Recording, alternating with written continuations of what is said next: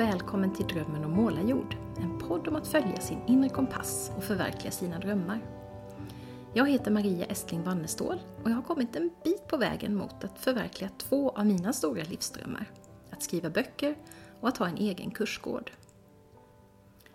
I podden möter jag människor som har förverkligat sina livsdrömmar eller som håller på att göra det. Jag inspireras av deras berättelser och det hoppas jag att du också ska göra. Det här avsnittet bjuder på ett samtal med Ann och Peter Elmberg. De är grundare till Mundekulla retreatcentrum som ligger utanför Emmaboda, mitt i den småländska utvandrarbygden. På vägen dit åker jag förbi flera vägskyltar med namn som känns väl igen från Vilhelm Mobergs böcker. Första gången jag kom i kontakt med Mundekulla var sommaren 2009. Jag hade bestämt mig för att åka dit på en kvinnofestival, alldeles ensam, utan att riktigt veta vad jag skulle få uppleva. Ärligt talat lät det lite flummigt, men jag upptäckte ganska snabbt att jag nog var en av de flummigare typerna där, trots min extremt akademiska bakgrund. På festivalen mötte jag massor av alldeles vanliga och ovanliga kvinnor i alla åldrar. Vi lyssnade på inspirerande föredrag, yogade, mediterade, provade på cirkelsamtal, målade och sjöng. Då och då drog jag mig undan till mitt lilla tält för att smälta mina intryck och vila. Jag var gravid i tredje månaden, hormonstinn och trött, så jag behövde verkligen pauserna också. De där två dygnen i Mundekulla kom att bli en vändpunkt i mitt liv. Under stunderna i tältet började en viktig insikt landa hos mig. Jag förstod att jag behövde byta arbetsmiljö. Jag var trött på akademins vassa armbågar och att ständigt behöva konkurrera om studenter och forskningspengar. Och jag var trött på att någon annan stakade ut vägen för mig. Den varma och tillåtande atmosfären i Mundekulla fick mig att förstå att det var i sådana sammanhang jag ville verka i mycket högre utsträckning. Och resten är historia, i alla fall om du har lyssnat på poddens första avsnitt. Sen har jag återvänt till Mundekulla gång på gång och då har jag haft med mig hela min familj, inklusive alla fyra barnen. Tre gånger har jag och Sara, som ni fick träffa i poddens första avsnitt, varit med och arrangerat samtalslägret Circle Way Camp Circle Way det är en samtalsform som jag mötte för första gången under den där kvinnofestivalen och som man ofta förknippar med nordamerikanska indianer. Den innebär att man använder en talpinne eller talsten, att alla i cirkeln får lika mycket talutrymme och att ingen värderar eller kommenterar det man säger. Circle Way handlar också om mycket mer än bara samtal, om att leva tillsammans i respekt för såväl andra människor som djur och natur. Veckorna på Circle Way-lägren har varit magiska upplevelser för hela vår familj. Goda samtal, lek för och med barnen, sång och dans. Hela lägret blir som en enda stor familj och som min dotter konstaterade, alla är så snälla här. Vi har också återvänt flera gånger för att vara med på Mundekullas fina drogfria musikfestival. Förra året fick jag se en av mina gamla idoler, Stefan Sundström. Också det är ganska magiskt. Musiken den har vid sidan av kursgården varit en viktig del av Ans och Peter Elmbergs drömmar. I samtalet som ni strax ska få lyssna på berättar Peter bland annat om musikalen Hemstannarna som han och Ann skrev för många år sedan och som nu har blivit verklighet. Häromdagen spelades den i min hemstad Växjö och jag var där tillsammans med mina tre döttrar.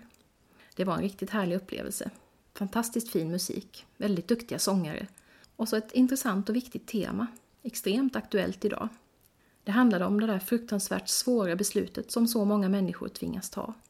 Att fly med hopp om en bättre värld, eller att stanna kvar och försöka överleva på hemmaplan. Men nu ska ni få höra Ann och Peter själva berätta.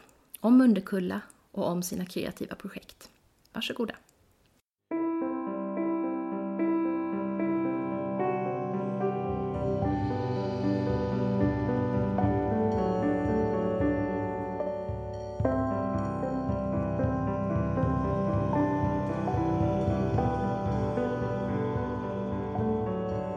Befinner oss på Mundekulla kursgård utanför Emmaboda tillsammans med Ann och Peter Elmberg.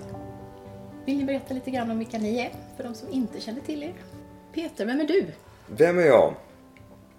Ja, jag läste till beteendevetare på det som heter Växjö högskola för 96-97.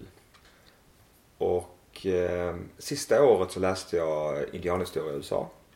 Och jag tror det fick mig att börja fundera lite grann på dels vad vill jag med mitt liv?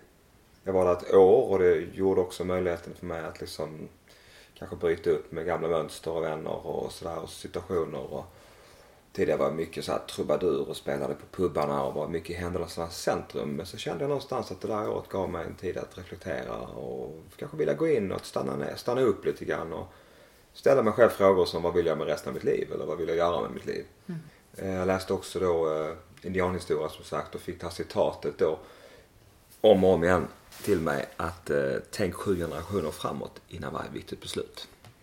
Och jag levde med det lite grann och jag kom hem och jag tror redan innan jag kom hem till Sverige så hade jag liksom bestämt att jag ska flytta ut till föräldrarnas torp i skogen. Jag är uppvuxen i Malmö men jag brukar säga att mina föräldrar de utvandrade liksom många andra från Mobergsbygden och flyttade till Skåne. Så jag växte upp där men jag sökte mig tillbaka till mina rötter, läste i Växjö och då var inte steget så långt att flytta sex mil till ut i skogen. Så jag flyttade ut till den här stugan och i minsta stugan på, på det här torpet på 10 kvadratmeter så flyttade jag in.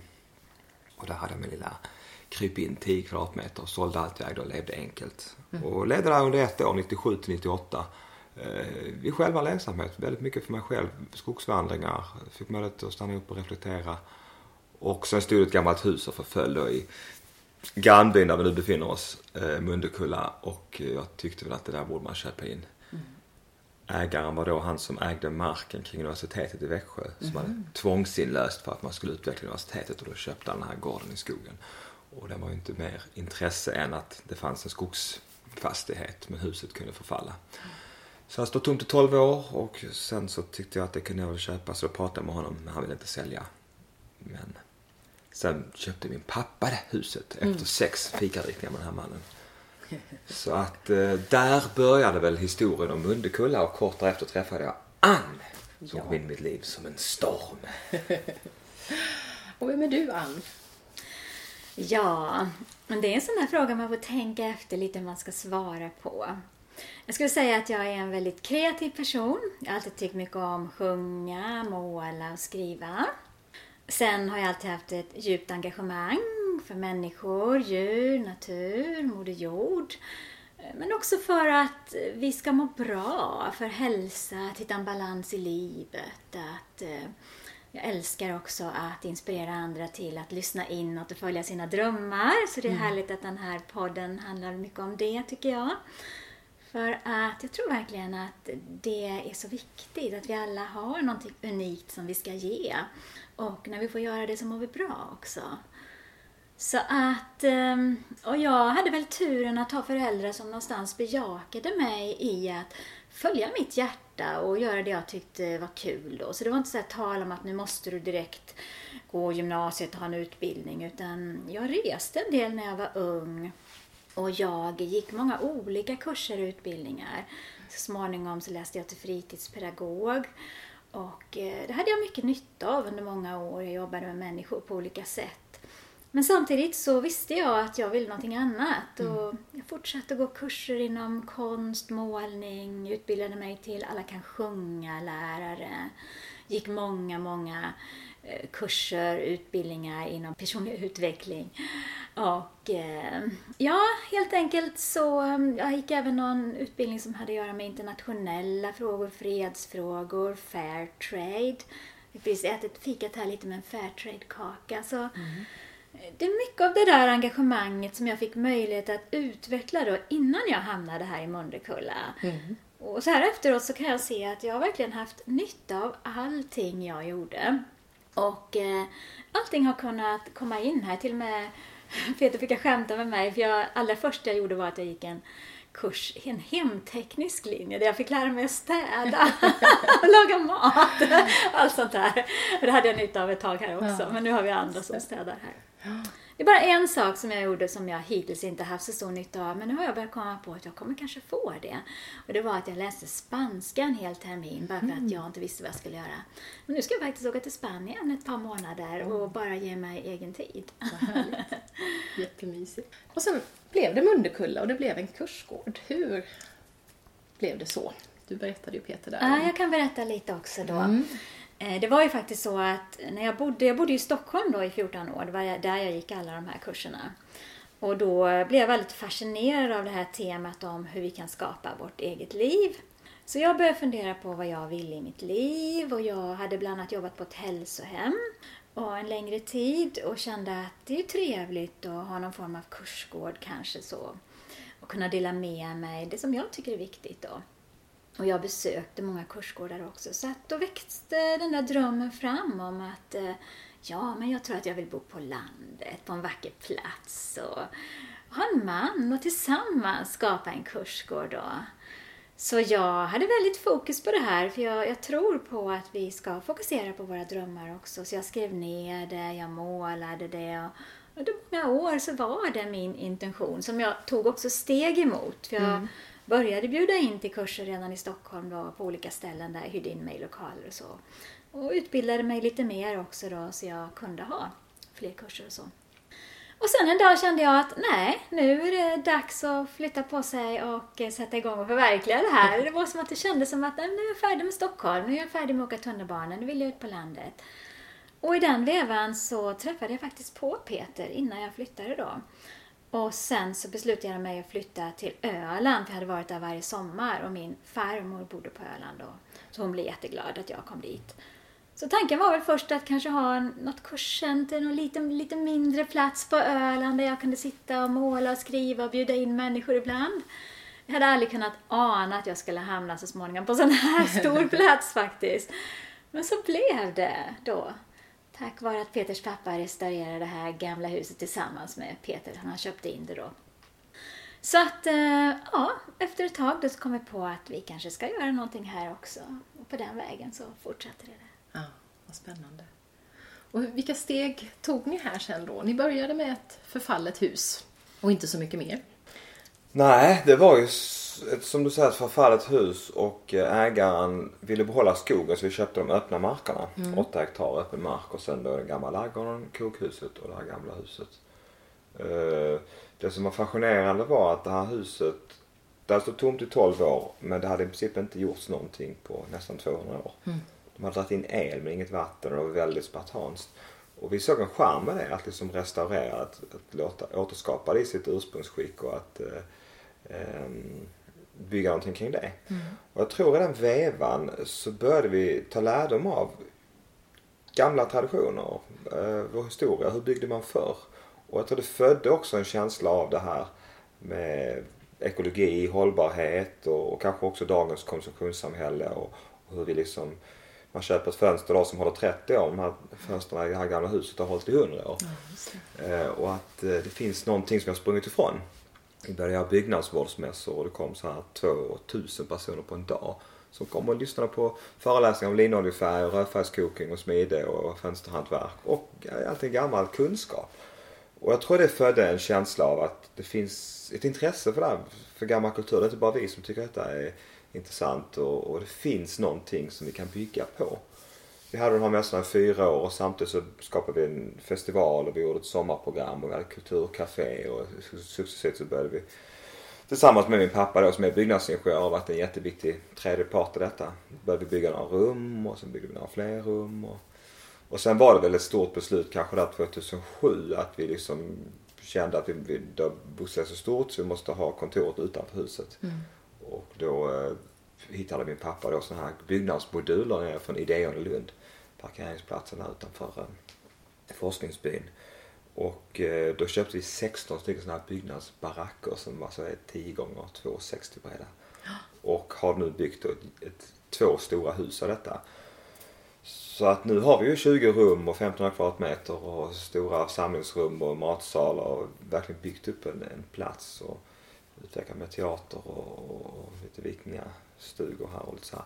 Så att det finns liksom en, en, en hel, som man säger här, det finns ju väldigt mycket, mycket, mycket större än vad vi kanske drömde om den här lilla kursgården. Men samtidigt så är det också det som har möjliggjort att vi kan ha större arrangemang, vi kan driva det med ekonomisk hållbarhet och vi kan eh, ta emot eh, väldigt många olika typer av grupper. Vi kan erbjuda konferenser för vi har liksom dusch och toa på rummen och, och med hotellstandard men vi kan också erbjuda sovsal för de grupper som behöver det och festivaler mm. på sommaren. Så Just det, det så det är så flexibelt på det viset att det, det kan användas till så många olika saker.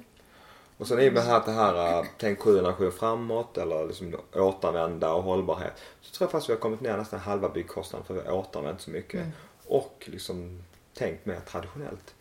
Eh, så att eh, det har varit en väldig tjusning att få följa det. Ja. Har ni stött på några jobbiga hinder på vägen eller har det gått smidigt det mesta?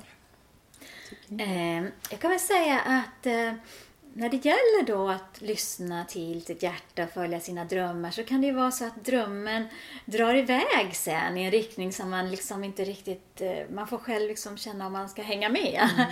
och så var det väl lite när vi tog det här beslutet att eh, växa och bli, att anläggningen skulle bli dubbelt så stor. Mm. Och eh, jag kan känna att eh, tänker tillbaka på det ibland så tänker jag att man får kanske känna då, vad var det som var det viktigaste i min dröm? För mig var det ju egentligen det här att ha en plats, kunna möta människor på, men samtidigt kunna hålla på med min kreativitet. Men det fanns ju en tid då just när det hade växt som det blev väldigt mycket och kanske även i början. Men, men då var det också väldigt roligt att bara få förverkliga drömmen om en kursgård. Men just när det blev så här stort och det blev lite ny inriktning och sådär kunde jag nog känna att jag tappade kanske min egen dröm lite grann. Fast visst, den fick uttryck på andra sätt. Jag gjorde ordning många av rummen här och fick hjälpa till att inreda och det var också kreativt på sitt sätt. Men eh, det var några år där som det blev väldigt mycket jobb och kanske lite bort ifrån min dröm. Men mm. nu känner jag däremot att tack vare att vi har byggt ut så kan jag också göra ännu mer det jag vill. För jag har ju retriter bland annat för kvinnor och jag har haft kvinnofestivaler och ja, vi kan bjuda in många fler människor för att det är så stort. Och, för, mm. och sen har jag ju jättefina lokaler att vara i nu som vi inte hade förut heller. Så det var ju, man skulle inte vilja ha stoppat det heller. Mm. Men eh, det kan ju vara någonting, tänker jag, som det här programmet handlar om, mål och drömmar. Att liksom mm. hela tiden stämma av lite så tror jag kan vara bra. Och se att okej, okay, nu har du dragit iväg. Men jag tror vi var medvetna om att det kanske en tid här, det kanske blir ett glapp här nu innan vi kan börja ta in mer människor som kan hjälpa oss också. För det är mm. där vi är idag, att nu har vi ju fler anställda och det Just kan vi ha tack vare detta. Så, så idag har jag ju mycket mer tid än i mm. början mm. faktiskt till att göra mina kreativa saker så. så att, eh, men det kan gå i olika faser ja. så då. Jag tänkte just på det, när man börjar med en sån här sak, då får man ju ha så väldigt många olika roller själv innan man, som du säger, kan ta in hjälp. Hur, hur var det att vara byggmästare och marknadsförare och kursledare och allt liksom samtidigt? Det måste ha funnits en sån period. Eh, ja, men jag, tyckte det var, jag vet att det, vi tyckte det var jätteroligt i början. Mm. Jag tror att det är den där, och jag hade haft den här drömmen i så många år och att då äntligen få sätta igång. Och, det, det var så mycket glädje. Det var nog det här mm. naiva och man ville rädda världen och skapa fred ja. och allt på en gång liksom. Och det var sång och musik och och det var ju det här lilla också så.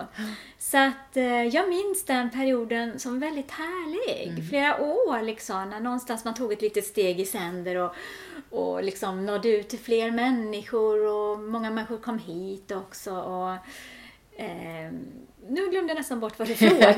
det var egentligen om det här med att ha så många olika roller Ja, just det. Själv. Ja, precis. Mm. Jo, men i början så är det ju så då. Ja. Alltså, då har vi många olika roller. Så att det var ju alltid från laga mat, städa. Jag vet någon retreat vi hade så både jag lagade maten och höll retreaten. Mm. Vilket inte var så hållbart egentligen. Mm. Men vi städade, vi tvättade, vi gjorde i princip allting i början. Mm. så. Och sen så småningom då så fick vi ju en volontär som var med oss faktiskt här i många år då, som mm. du också känner till. Mm. Camilla. Det. Och det var ju en jättefin pärla så att hon kunde ju så småningom också laga mat visade sig. En jätteduktig kock. Så att vi har ju kunnat ha henne som kock här senare också. Ja, det, det, det var många olika mm. roller och, och, men nu så börjar vi mer hitta tillbaka tror jag, till vår mm. egen kreativitet också. Just. Mm.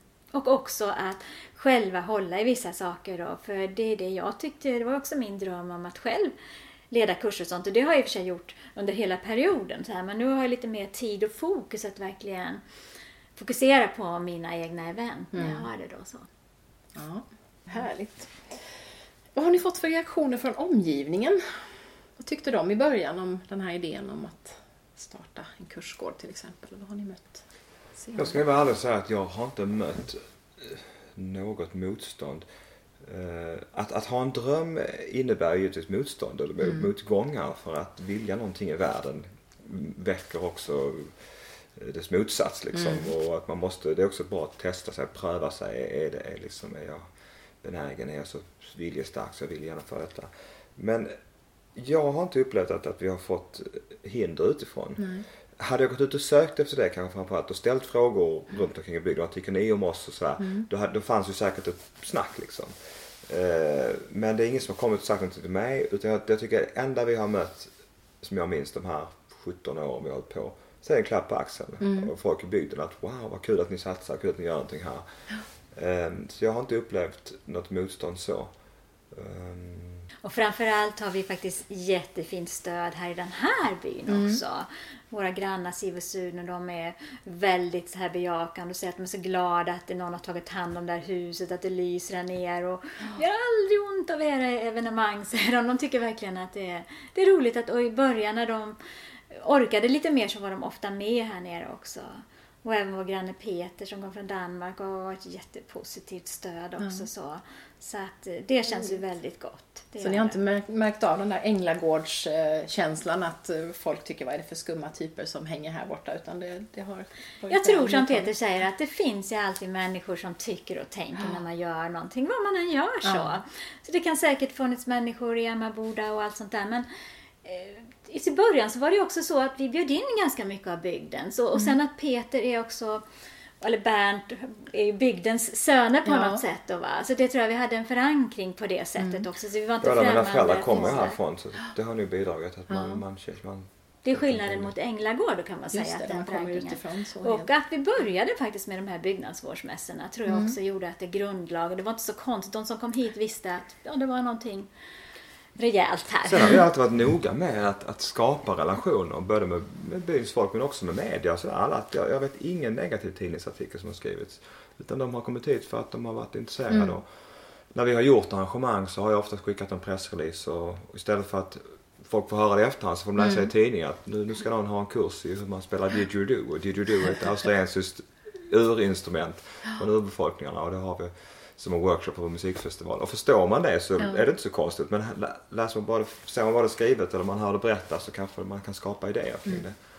Sen var det ju så också när huset restaurerades under en längre period. Då följdes ju det upp av en journalist på Barometern. Så att det var ju den bilden som människor fick. Och de flesta läser ju Barometern. Så, så då var det ju den bilden de fick av Mönderkulla tror jag. Just det. Och sen är är det så att folk tycker, för det är också någonting jag själv har känt genom åren, att det är bara bra. Det är bara bra att folk har åsikter. För någonstans är det ju, för oss är det bara uppgiften att de går tillbaka på, tror vi på vår idé, då kan vi bli starka i den. Och det, det är inte bra när alla bara bejakar heller utan det är också bra att få konfrontationer och att få ifrågasättande.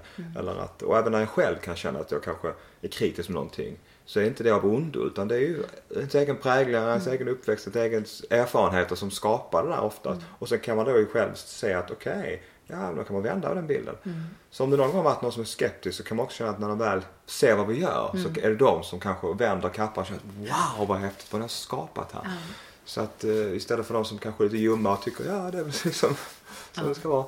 Så, att, så att det, är så, det, är också, det är också det jag har känt att den här platsen ska göra. Jag har, har några, några ledord så här att eh, den ska inspirera och utmana alla som kommer hit. Det är inte bara om folk bara kommer hit och de, de åker hem och inte har, tar någonsin med sig. De inte liksom, men kan de titta, komma hit och se att vi har isolerat alla rum med ekologiska material. Vi har solceller, vi har urinseparerade toaletter, vi serverar vegetarisk mat, vi har ingen alkohol.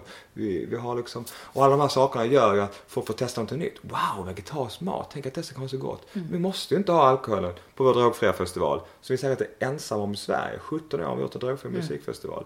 Och det skapar helt andra möten än vad alkoholen faktiskt, faktiskt gör. Så att, så att, och då får folk nya erfarenheter och åker här hem. Kanske var det utmanande när de kom hit. Men man åker härifrån och känner att wow, det här var någonting nytt. Det här kan jag införa för livet mitt liv. Det här är ett naturligt sätt att vara. Eller att jag kan, hur kan jag leva med ekologiskt? Eller, och det är ju klart utmanande för allt det här är kostnader också att satsa ekologiskt och maten och så. Men det är också, någonstans kände jag väldigt tidigt i livet, jag tror många ungdomar kan känna igen sig den tanken. När jag var 25 år så kände jag så här att jag är inte intresserad av att bara skapa karriär. Jag är inte intresserad av att bara tjäna pengar. Jag vill göra någonting jag tror på. Jag vill tro på hela produkten. Och jag hittade inga företag i min omkrets som, där de, producerat någonting som världen behövde, någonting som var meningsfullt. Så jag var tvungen att skapa någonting som jag kände att ja, men här kan vi leverera någonting. Och det är värt så mycket mer än att jag liksom har gjort en karriär eller jag tjänar jättemycket pengar. Eller, sen är det inte av ondo heller. Men att någonstans är det väldigt lätt tror jag, att gå vilse i det där för att man låter omgivningens förväntningar styra. Att man ska se bra ut i andras ögon, man ska liksom lyckas och lyckas är de här olika egenskaperna. Men jag tror snarare att lyckas är att vara ärlig mot sin egen dröm och sin intention. Just det. Jag tänkte också på eh, det här fenomenet att eh, vi är visionärer. Jag tror som visionär så är man ibland också kanske lite före sin tid. Mm. Man är ute med saker som allmänheten kanske inte är så van vid. Så när vi började för 15 år sedan med yoga och meditation, även vegetarisk mat, så var det kanske lite mer främmande för många. Men idag så känner de flesta till. Det finns yoga på de flesta gymmen och det är inget konstigt längre så. Så att jag, jag tror det är samma med vegetarisk mat också, att det inte heller är så konstigt längre så. Så att eh, tiden har väl hunnit ifatt oss lite. Har Även de som kommer på konferenser hit vill ju ha meditation och yoga ibland och vill också ha vegetarisk mat ibland. Så att det, Ja, vad härligt. En sak jag funderade på det är att bo här samtidigt som det här är er arbetsplats. Hur fungerar det tycker ni? Att vara så Ja, nära. det är någonting som jag har tänkt mycket på, Peter också säkert, men jag tänkte faktiskt på det senast i morse till och med. Att för mig har det varit en slags fas att mer och mer se att ju större den här anläggningen blir, ju mer det växer, ju mer folk som är här, så har jag också behov av ett annat boende. Och ibland kanske jag inte har märkt det när jag varit mitt i det här. För det är liksom, när man är mitt i något ser man inte alltid. Men när jag har kommit ifrån så har jag känt hur viktigt det är. Och under många år så hade jag ett hus på Öland också som jag kunde vara i. Eller vår familj hade det då. Så där var jag ganska ofta och kunde bara åka ifrån när jag behövde det. Men när jag inte längre hade det huset, då kände jag att det här behovet kom mer. Så jag har ibland hyrt in mig i någon lägenhet, lånat av vänner eller åkt ifrån. Och jag åker ofta till Öland fortfarande. Det kan vara i flera veckor. Speciellt på sommaren, men även våren. Lite sensommar, höst också. Men jag känner att nästa steg är att ha ett boende utanför verksamheten faktiskt. För att jag känner att jag har behov av ett hem där man kommer bort lite från arbetsmiljön. Så. Även om jag är inte lika involverad nu i det mesta som sker här i Mundekulla. För jag har lite min egen nisch med min kreativitet och mina egna projekt. Men jag kan ändå inte låta bli att se saker och hjälpa till med det som behövs. Och, och så. Och det blir ju lätt att man har hela tiden den här platsen på något sätt i sitt huvud. Så att, för att de här egna idéerna och kreativiteten ska verkligen kunna få utrymme och plats, då känner jag att jag behöver resa iväg och vara någon annanstans. Ja, det. Så det är väl en tanke jag har nu också med att ge mig iväg till Spanien ett tag. Mm. Och Peter kommer följa med delvis också, men jag kommer också ha en hel del egen tid Ja. där och skriva och sådana saker. Ja. Hur tänker du kring det här Peter, att bo här? Bo på platsen. Mm. Ja, det är väl i takt med att verksamheten växer så växer också nya drömmar och tankar och, och ehm, ehm, på många sätt så har det varit bra att man är på platsen för att eh, man är tillgänglig och, och man räknar kanske inte sin egen timtid i arbetstid utan, utan det, man är tillgänglig. Eh, som han beskrev här så har vi ju på senare år nu anställt folk och, och Ann har frigjorts till stora delar och jag eh, har mer en, en, en övergripande ett ansvar men, men inte men har folk som gör de olika sysslorna. Ehm, och då inser man också vad det kostar att och, och, driva en sån här plats och för varje timme som läggs ner och så vidare. Och man kanske inser också att den tiden jag har lagt har jag inte värdesatt i pengar utan jag har liksom tänkt att jag är ändå här. Så, att, så att det är väl lite grann sådana saker som, som blir tydligare vad, vad man gör av sin egen tid. Och, men jag tycker också att eh, jag kan se det Ann beskriver här att eh, efterhand som verksamheten växer och om vi vill att den ska växa. Det, handlar också om att vara nöjd. Det är ju Ja. inte så att, att verksamhet blir bättre för att den blir större. Jag tror det är lätt att tro så som västerlänningen är uppvuxen i vår kultur att allting ska bli större och större och det är bättre. Utan hitta en nivå att men nu är vi faktiskt nöjda. Och då försöker jag tänka mig rätt mycket att vara nöjda med det vi har och inte vara nöjda med det vi inte har eller gå och grämas över det vi som skulle kunna varit. Och jag tycker att vi har en ganska bra balans. Det som är skönt med verksamheten det är ju och som också kan vara utmaning, det är att det är väldigt mycket på sommaren och ganska lite på vintern. Och det är ju kanske turistentreprenörens dilemma. Att, Ja. eh, Men vi har ju lyckats skapa en, en året runt verksamhet. Eh, och det gör ju att fördelen med det är ju att man kan återhämta sig på, på vintern. Man kan skapa, ha med, vi har väldigt kreativa musik och skapande projekt och det kan få utrymme på vintern. Och det är också då vintern vilar, det är då man kan också erbjuda bara retriter och stillhet och, och, och så. Eftertänksamhet. Så att eh, jag tror det handlar om att hitta den där balansen. Hela tiden känna att man är i kontakt med sig själv och sin vision och, inte bara tro att det blir bättre för det blir större. Vi får se det här. Om, om vi ska ha något ställe utanför eller nu berättar han hon ska, vi ska ner några, någon vecka till Spanien tillsammans och så ska han stanna kvar upp till en månad därefter. Och eh, det är mycket möjligt att man hittar andra former. Vi har varit här i 17 år så det är klart att det är viktigt också att för att hålla liv i visionen och, Ja. och så, så är det viktigt också att få distans till det. Ja. Vi var ju inne lite grann på era egna kreativa projekt. Du nämnde Ann att du skriver och målar och sjunger och sådär. Vill ni berätta lite om hur de drömmarna har sett ut och hur de ser ut idag? Ja, jag har ju faktiskt äntligen i år nu satt samman en massa sånger och musik till en CD. Och det är jag så glad för och jag är framförallt jätteglad för den fina responsen jag har fått också. Eh, den här sången och musiken är ju en del av låtarna kommer för många, många år sedan och några har jag gjort nyss då. Och framförallt så känner jag att det har känts så fint att eh, verkligen eh, ge tid och fokus och eh, ska man säga, paketera den här CDn på ett fint sätt. Att jag unnade mig att samverka med fina musiker, jag unnade mig att göra ett fint omslag. Jag unnade mig det bästa. Det tror jag är viktigt när vi gör vårt skapande och kreativitet. Det fanns liksom en tid när jag kanske bara ska göra någonting enkelt så, men det har inte alls varit samma sak. Jag känner nu när jag tittar på det så är jag så nöjd. Jag har skrivit en bok som heter Kvinnocirkeln också som handlar om just kvinnocirklar, hur vi kan mötas i cirklar och samtala med varandra. Och det låter ju enkelt men det, om man verkligen vill ha en kvinnocirkel som varar en längre tid då, så är det vissa saker man kan behöva tänka på för att den ska bli bra då. Och det var samma där, jag kände att jag vill göra en fin bok. Ska jag göra en bok så ska den vara snygg, den ska vara genuin. Och eh, ja, så det är väl det. Måla gör jag en hel del också då.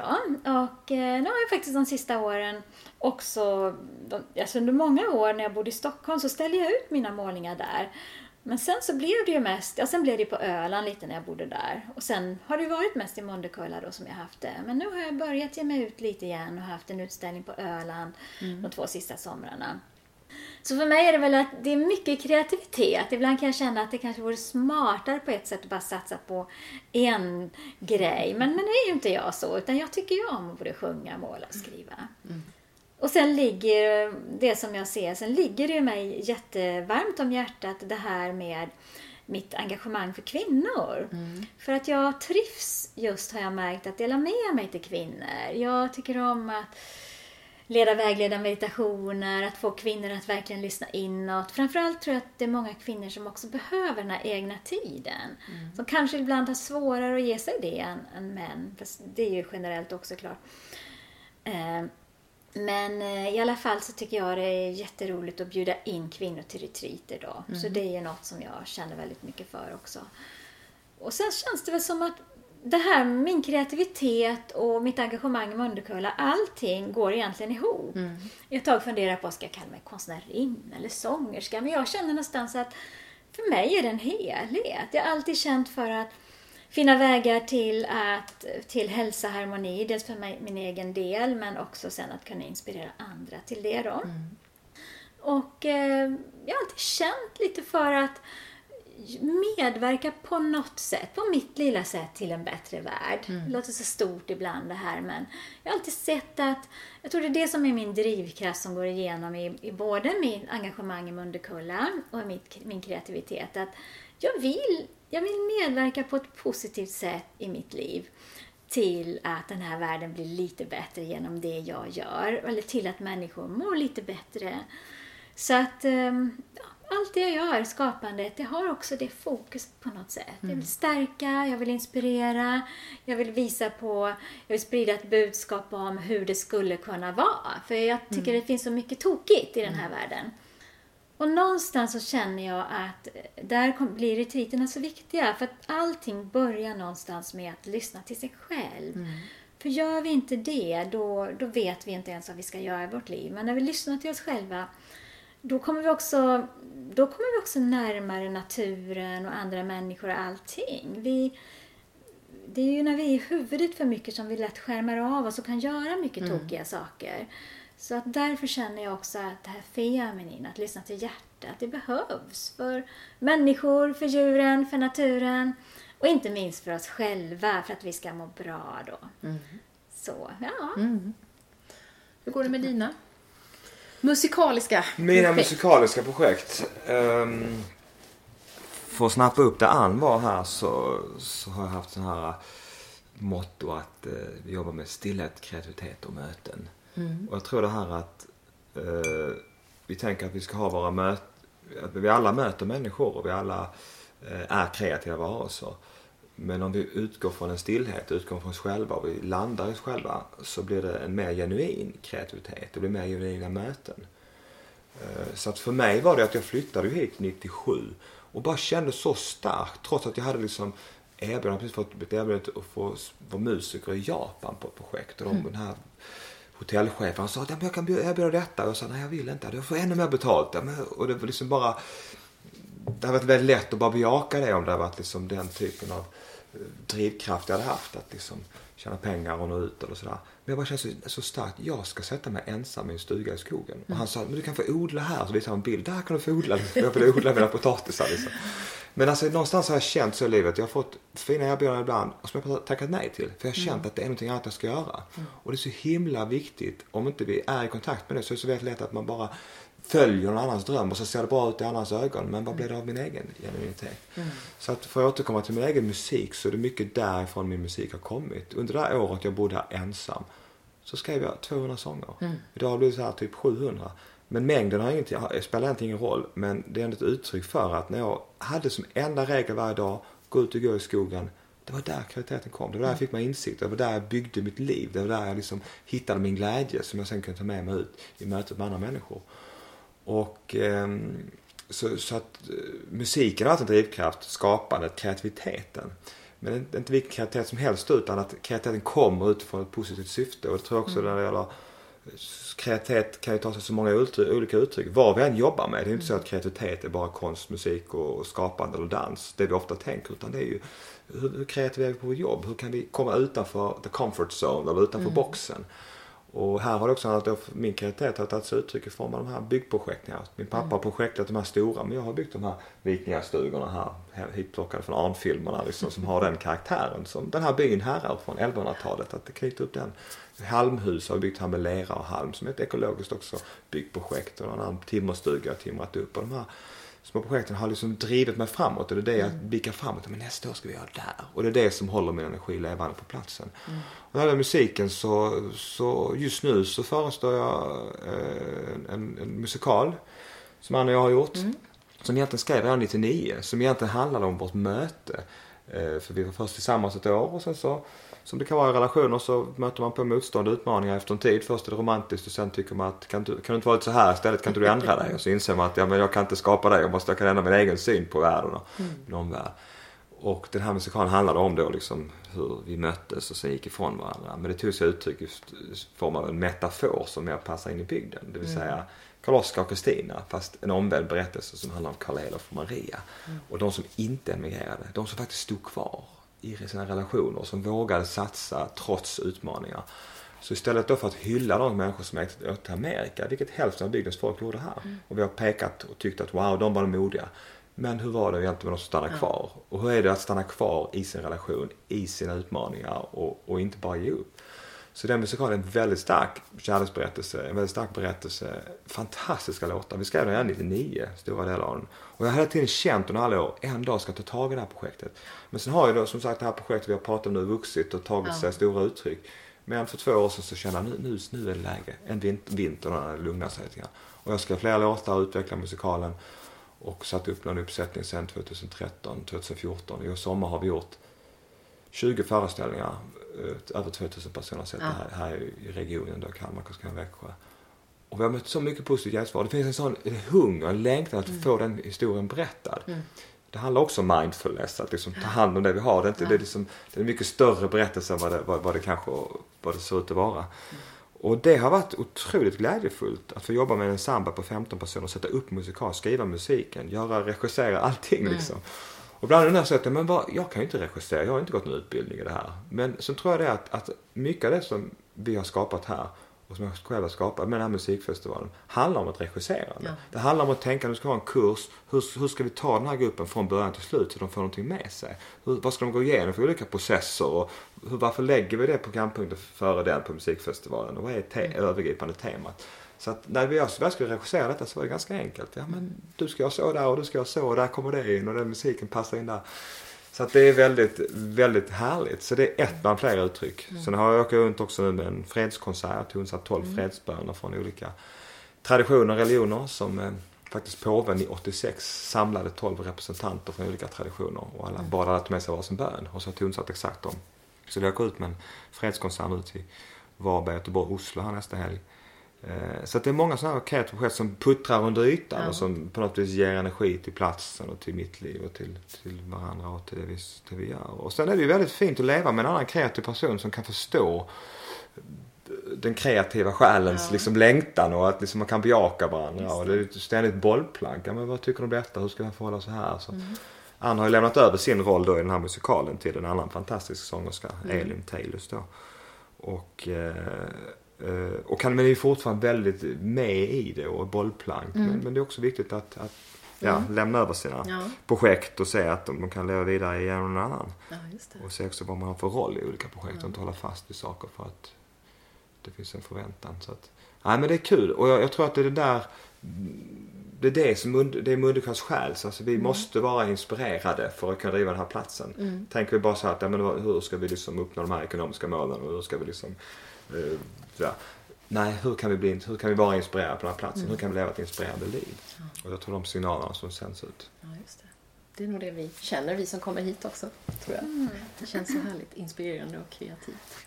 Om ni tänker lite framåt i tiden nu, vad tror ni ni gör om tio år? Är det Mundekulla som är kvar i sin nuvarande form eller har ni gått in helt för era kreativa projekt eller tror ni att ni fortsätter så här som, som ni gör nu? Det är ganska svårt det där tycker jag. Jag funderar själv på det. Ibland tror jag att det är så att man behöver komma härifrån lite för att få distans och perspektiv. Så det kan se ut på olika sätt. Men, men jag tror inte jag kommer ha alls... Jag känner att jag har redan klivit av lite ansvaret att driva en verksamhet så då. Men däremot kan jag mycket väl se framför mig att jag driver egna event och att jag ökar ut det här med retreaterna, kanske längre perioder och så. Så att, eh, men, men jag ser nog framför mig att jag, eh, jag sitter en bit ifrån Mundekulla någonstans. Det kan vara på Öland, det kan vara nere i Spanien. I alla fall en viss del av året så. Att jag har lite mer en, en annan plats som är mitt hem och att, eh, att jag verkligen har tid att gå in lite mer för skrivandet. Kanske för målandet, kanske för sången. Det får vi se lite vad det är som tar över. Men Ja, jag, sen kan ju livet ta helt nya vändningar men, men just nu så är det nog det som jag känner är min nästa dröm. Att verkligen få gå lite djupare in, att känna vad är det just jag kan ge istället för att supporta en plats då.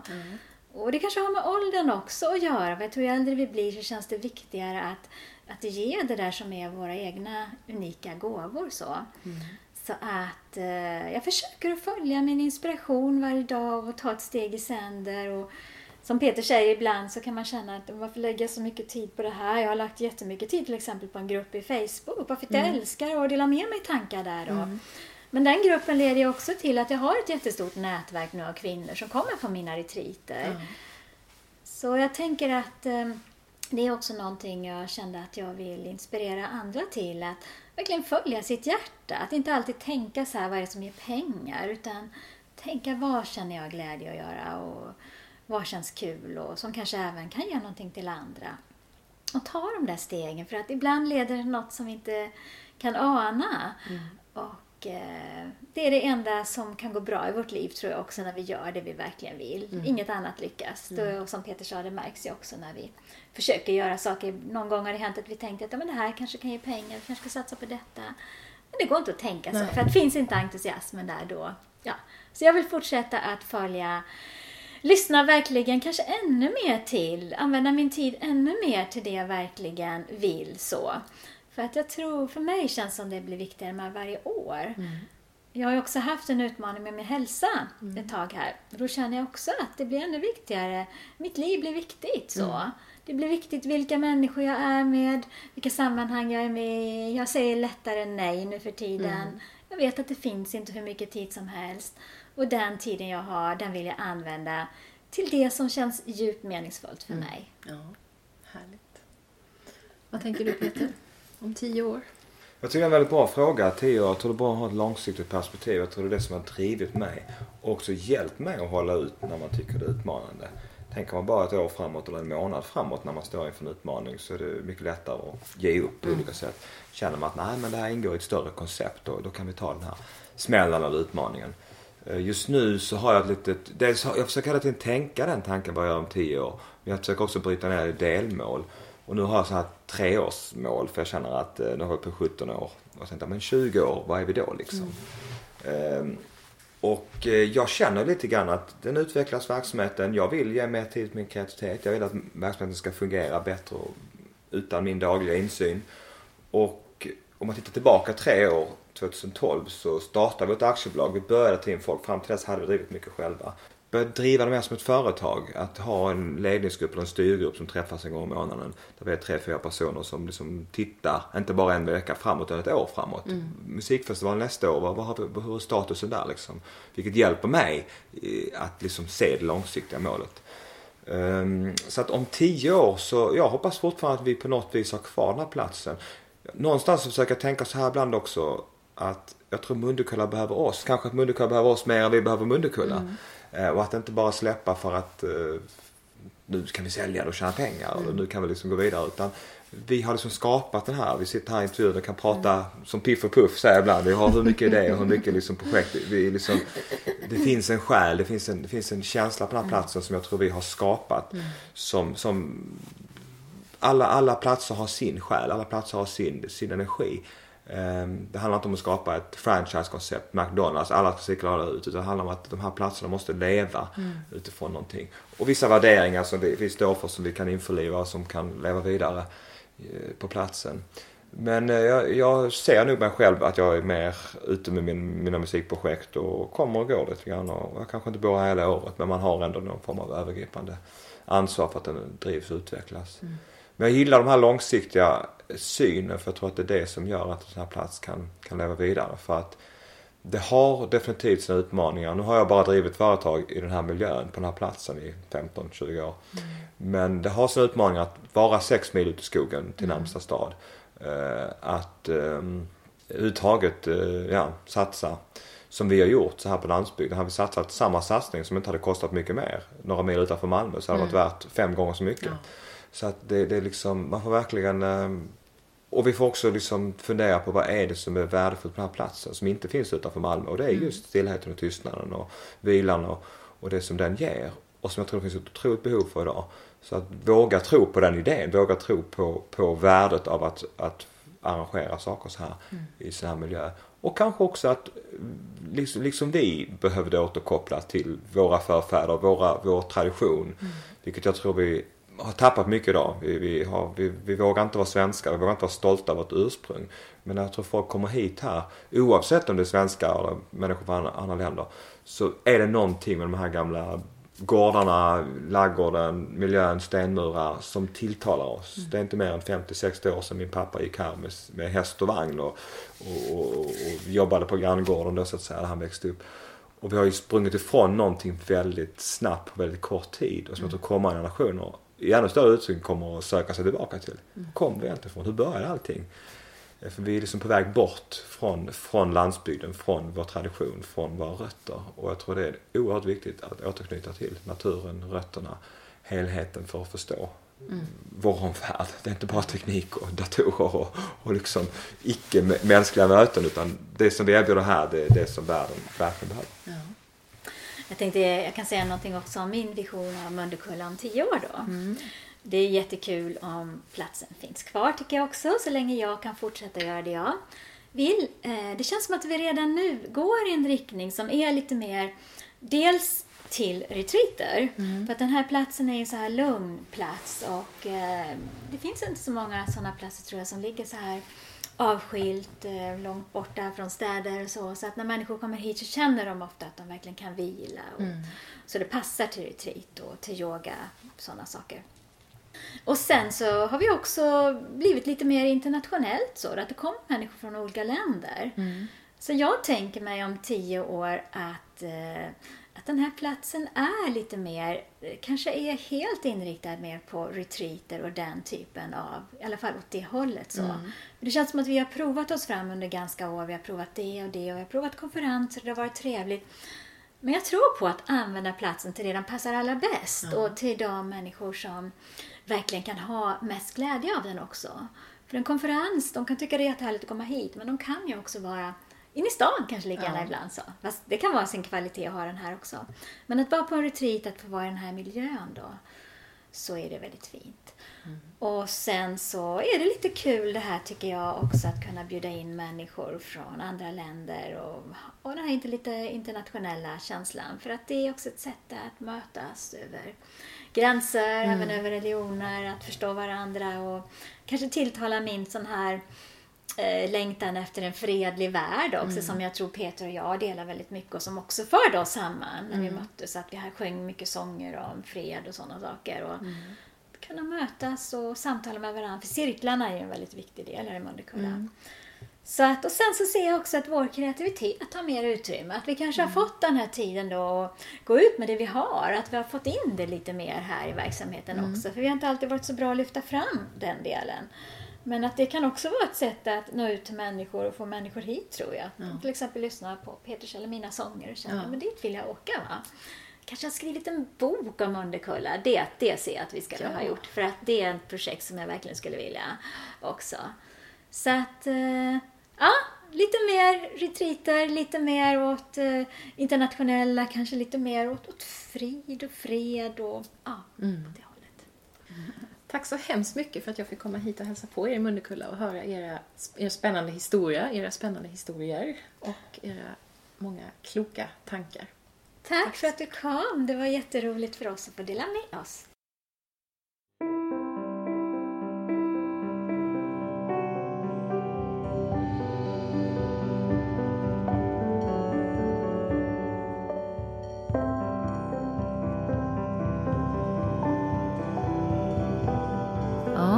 Var Ann och Peter Elmberg från Mundekulla.